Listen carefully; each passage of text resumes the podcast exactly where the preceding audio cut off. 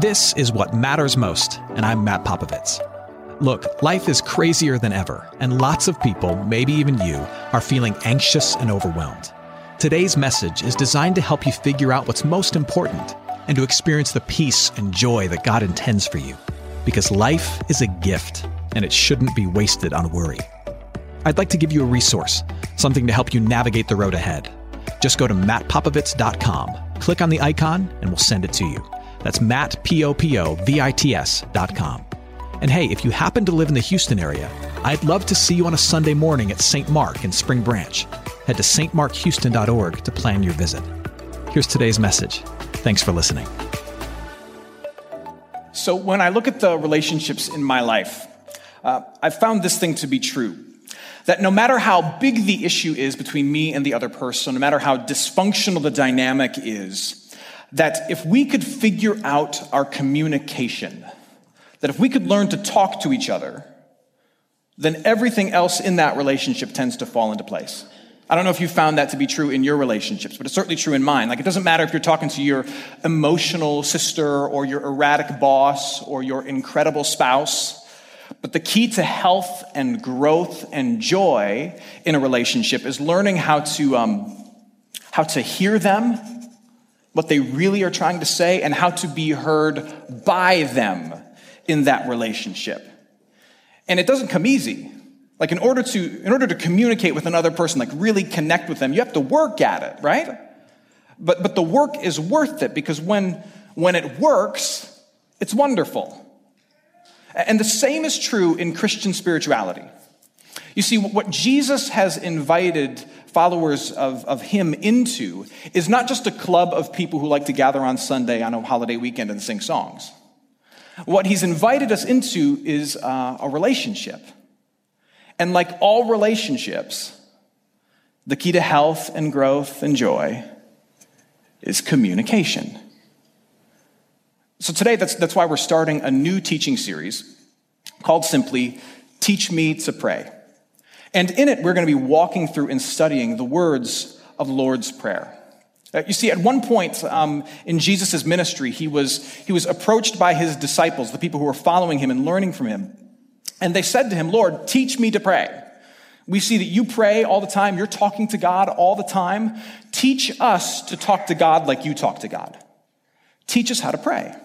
And it was common in the first century for a rabbi, a Jewish teacher, which Jesus was, to give his disciples kind of a signature prayer that, that, that they would be known by. Like John the Baptist gave his disciples a signature prayer that, that marked them when they prayed in public as followers of John the Baptist.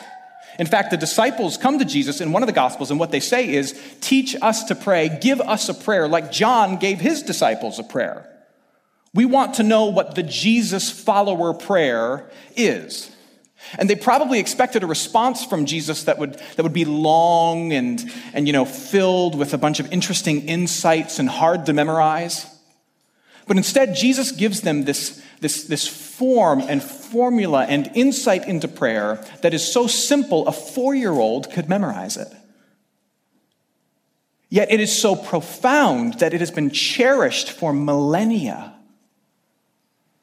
and can be found on the lips of the poor and recited at the weddings of the rich. The, the, the, reasons why Christians pray are very simple, and there's two of them. The first is this we pray because God commands it. Now, I hate to be the one to lay down the because God says so card, but one of the primary reasons that followers of Jesus pray is because God says so. I mean, history tells us, like over and over again, through, through the, the stories of, of, of, Abraham and Moses and Jesus and Paul, that God speaks through these men and says, Look, if you're going to follow me, then I need you to talk to me. If you're going to follow me, then I need you to talk to me, which seems totally reasonable, right? Uh, Psalm 32, verse 6 says this, very succinctly makes the point. It says, Let everyone who is godly offer prayer. So if you claim to be of God, following God, then you are also to be one who speaks to God. So, whenever a follower of Jesus says to me, you know what, no thanks, prayer's just not my thing, I'll take every other aspect of Christian spirituality, but I won't talk to God, they say that in direct defiance to the expressed desire of God, which is never a good thing. Second reason we pray is because God promises to bless it. He promises to bless it. I have never heard someone say, man, ever since I started praying, my life has just gone down the toilet. No one ever goes into prayer rehab.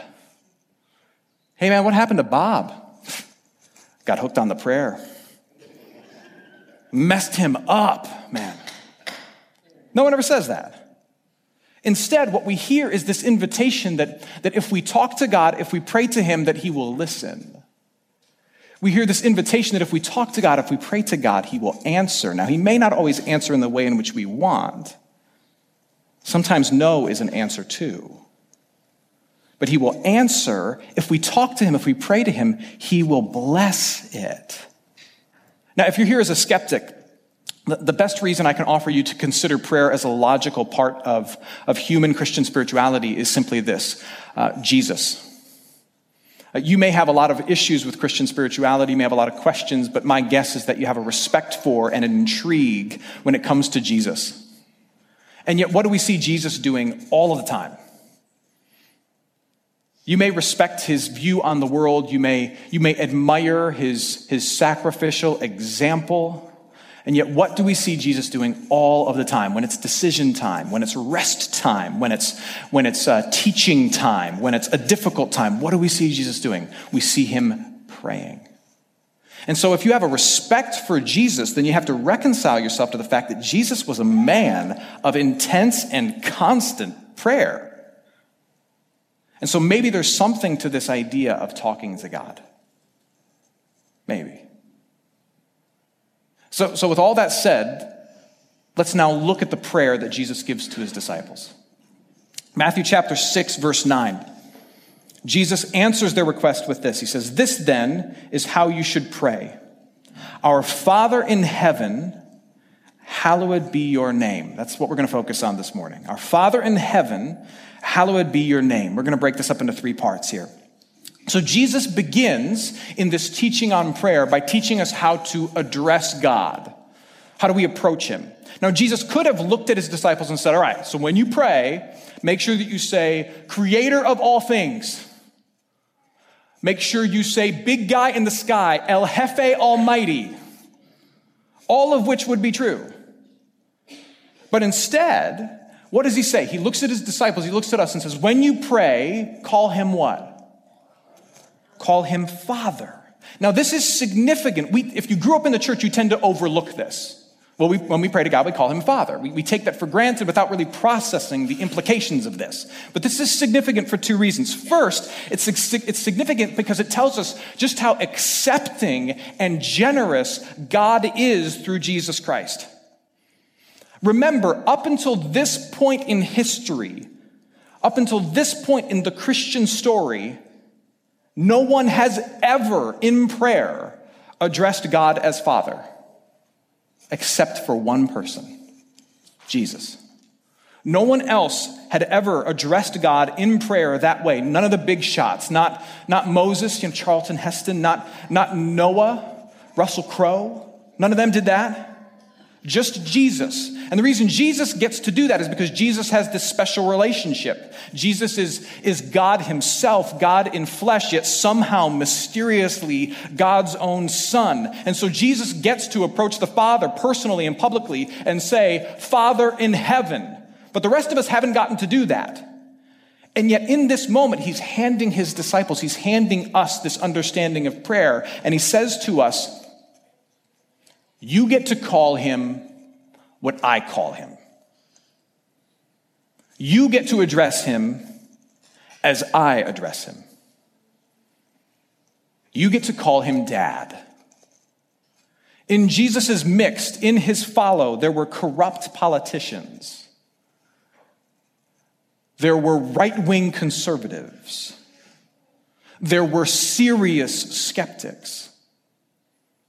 And yet, Jesus says to all of them, He says, it doesn't matter what your story is. It doesn't matter what your particular struggle is. It certainly doesn't matter what your family tree says. By virtue of being connected to me, you have full benefits and full access in my family. So when you pray to God, call him Father. That's significant. Maybe you've thought that who you are or what you've done or what you're wrestling with limits your access to God. Jesus would say otherwise. Hey, friends, it's Matt. If you're listening to us in Houston and you're looking for an excellent education in a Christian setting for your student, I'm inviting you to take a tour of St. Mark Lutheran School in Spring Branch. We serve infants through eighth grade with an excellent faculty, brand new facilities, and a faith forward curriculum. To schedule your tour, head to gostmark.org. That's G O S T M A R K dot org to schedule your tour today. St. Mark Lutheran School. It's excellent education for your son, your daughter, your little one. Now, back to today's message. The second thing that this tells us is that it tells us how God sees us when we approach Him. Uh, right now, um, there is only one person on the planet. Um, come September, there will be two. Uh, but right now, there's only one person on the planet who gets to call me dad. Just one person. If anybody else calls me dad, it's weird. But if my daughter calls me dad, it's great. And there's this interesting thing that happens when you become a parent. Like, like, like this person is born into the world and they start to talk and then they know, they know your name. They call you mom. They call you dad. And when, when you hear that voice say that word, it, it just kind of grabs your heart in a way nothing else does. When I hear that voice say that name, instantly, like my ears perk up. And depending on how they say it, they perk up differently. Like if they say daddy or if they say dad it's different, but still, it gets my attention. Instantly, I care. Instantly, I care about what comes next.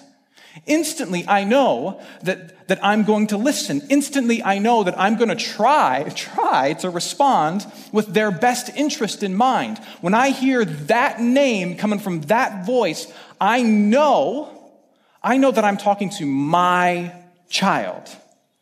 And if you're a parent, you get that, right? And that, Jesus says,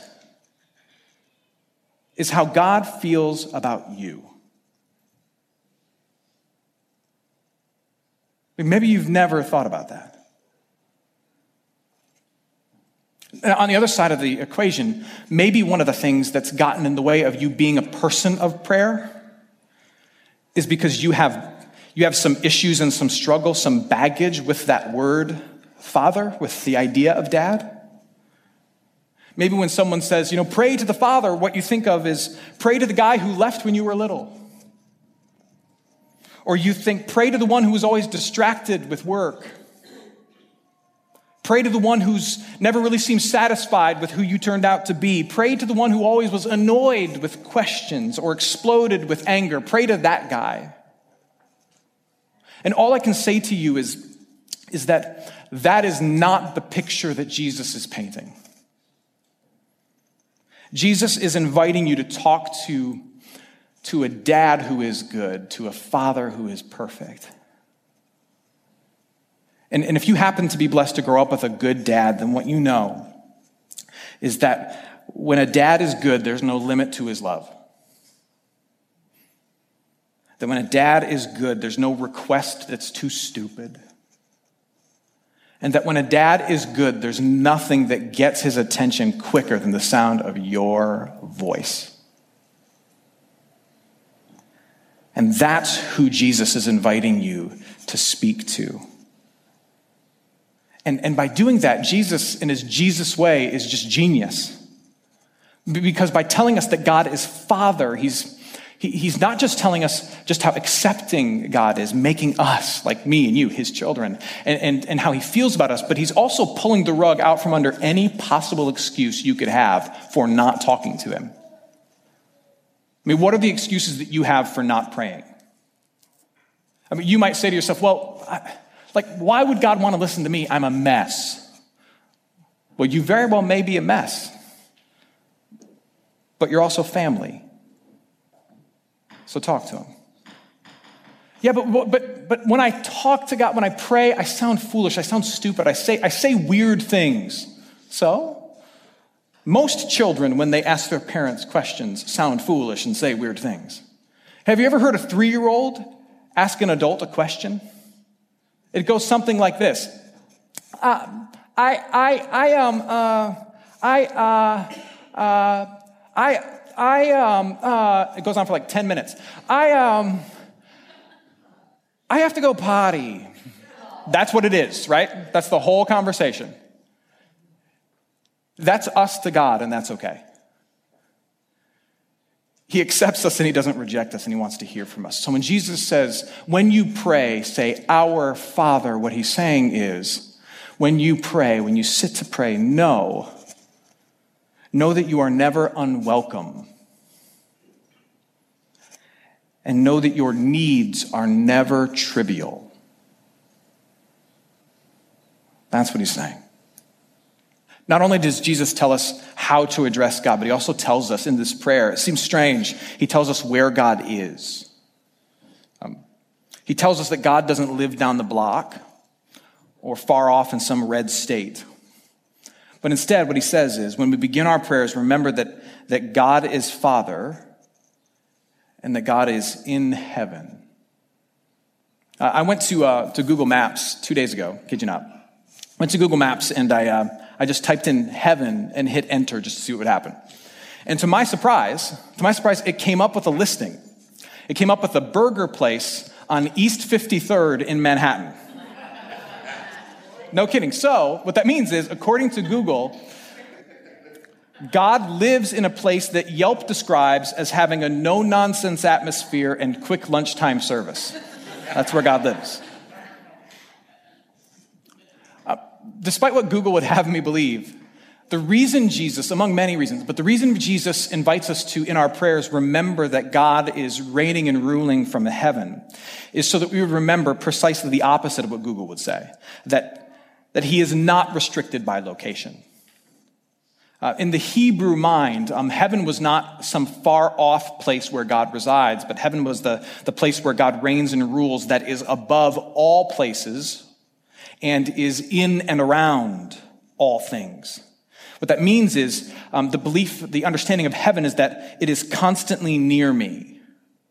So God is always accessible to me no matter where I am. There's no place, there's no situation where like the signal gets lost or the Jesus GPS goes out. It's not possible. And that's important to remember because we tend to think that, that my prayer is going to work best when I'm with certain people or in certain places. Well, if my prayer really is going to get heard, I need to go pray with the pastor. Or if I'm going to pray, I need to go to church next week so I can pray when I'm in church because the, the reception is better there, right? And I, we all kind of fall into that mode of thinking, right? Like, I need to pray with the pastor or be in the church. And certainly those are not bad things. But, but that betrays the idea that God is Father and God is in heaven and that He is near you at all times. What Jesus is saying is that God is Father, He will listen. God is in heaven, He is immanent. He is near. He can be found where you are, reigning and ruling, next to you, above you, around you. He is not far from you. And when a follower of Jesus recognizes that, that God wants to hear from me and that he is near me and ready to listen to me and, and kind of show up there with me, then a follower of Jesus has the ability to turn any place that they are in, any place into sacred space. Sacred space being a place where God is doing stuff. He's present. Because we know that God is listening. We know that God is near. Where do you find yourself during the week? I, I know you spend a lot of time at work and at home. Do you believe that your cubicle or your garden can be sacred space? That God is not just real, but He's near, and He can be present with you as you call out to Him, whether you can see Him or feel Him or not. My encouragement is that you would try that. So now, um, after, um, after telling us who God is and, and where God is found, Jesus now shifts and he starts telling us, instructing us on things we should pray for. We're going to talk about these throughout the next coming weeks, but just look at the first one here. So he tells us, pray to your Father who is in heaven. He is near. He's all around you.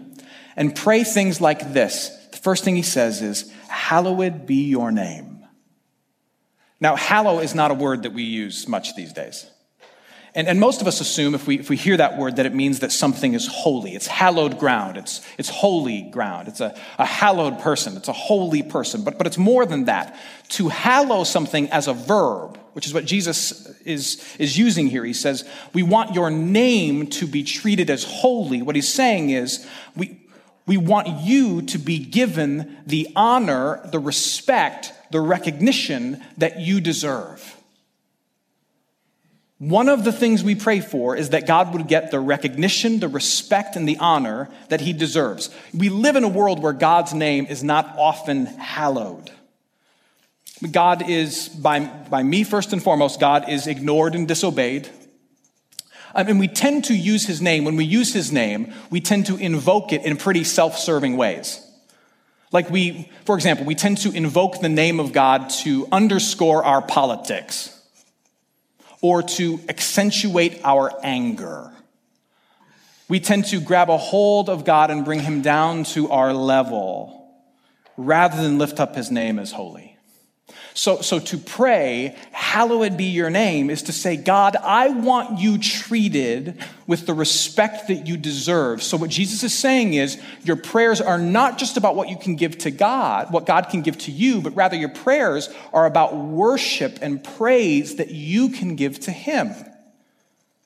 So prayer is not just an opportunity to say, God, give me this, which it is, but it's also foremost an opportunity to say, God, I'm going to give you what you so deserve, but so often are robbed of.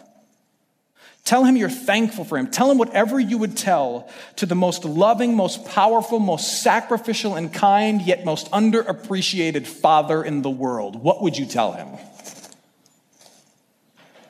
Tell him that. That's what prayer is. You see, when, you take these things together, we have not just a beautiful picture of prayer, but an incredible picture of who God is. When you pray, say, God is Father. He loves you and He wants to hear from you. Recognize that God is in heaven, reigning and ruling. He is near you. You can turn any place into sacred space. And use it as an opportunity to worship, to give him the recognition that he rightly deserves, but is so often robbed of. That's what prayer is. My homework for you this week is that you would believe that. And that by believing that, you would do one small thing to put it into action. Here's the one small thing I'm going to challenge you to do. My challenge to you is for you to pray in an unexpected place. I'm not saying you got to like get on your knees, light candles, freak everybody out. I'm not saying that. I'm saying there is some place in this city that you can turn into sacred space. That you normally just stand in, that you normally just walk through, that you normally just work around, but as an opportunity for you to talk to the Father of us all, who is only recognized by a few. Would you do that? And would you believe that He hears you? Amen. Hey, it's Matt. I hope you enjoyed what matters most. Here's what I need you to know life is a gift, and it shouldn't be wasted on worry. I want to help you figure out what's most important and to experience the peace and joy that God intends for you. So, for more content, you can head to mattpopovits.com. That's Matt, P O P O V I T S.com. There, you can also support this ministry as well as access your free resource, a little something to help you navigate the road ahead. I'd also love to see you on a Sunday morning. If you're in the Houston area, head to stmarkhouston.org to plan your visit. In the meantime, Hit me up on Instagram at mpopovits or at facebook.com slash Ministries. Thanks for listening. Now go and hold tight to what matters most.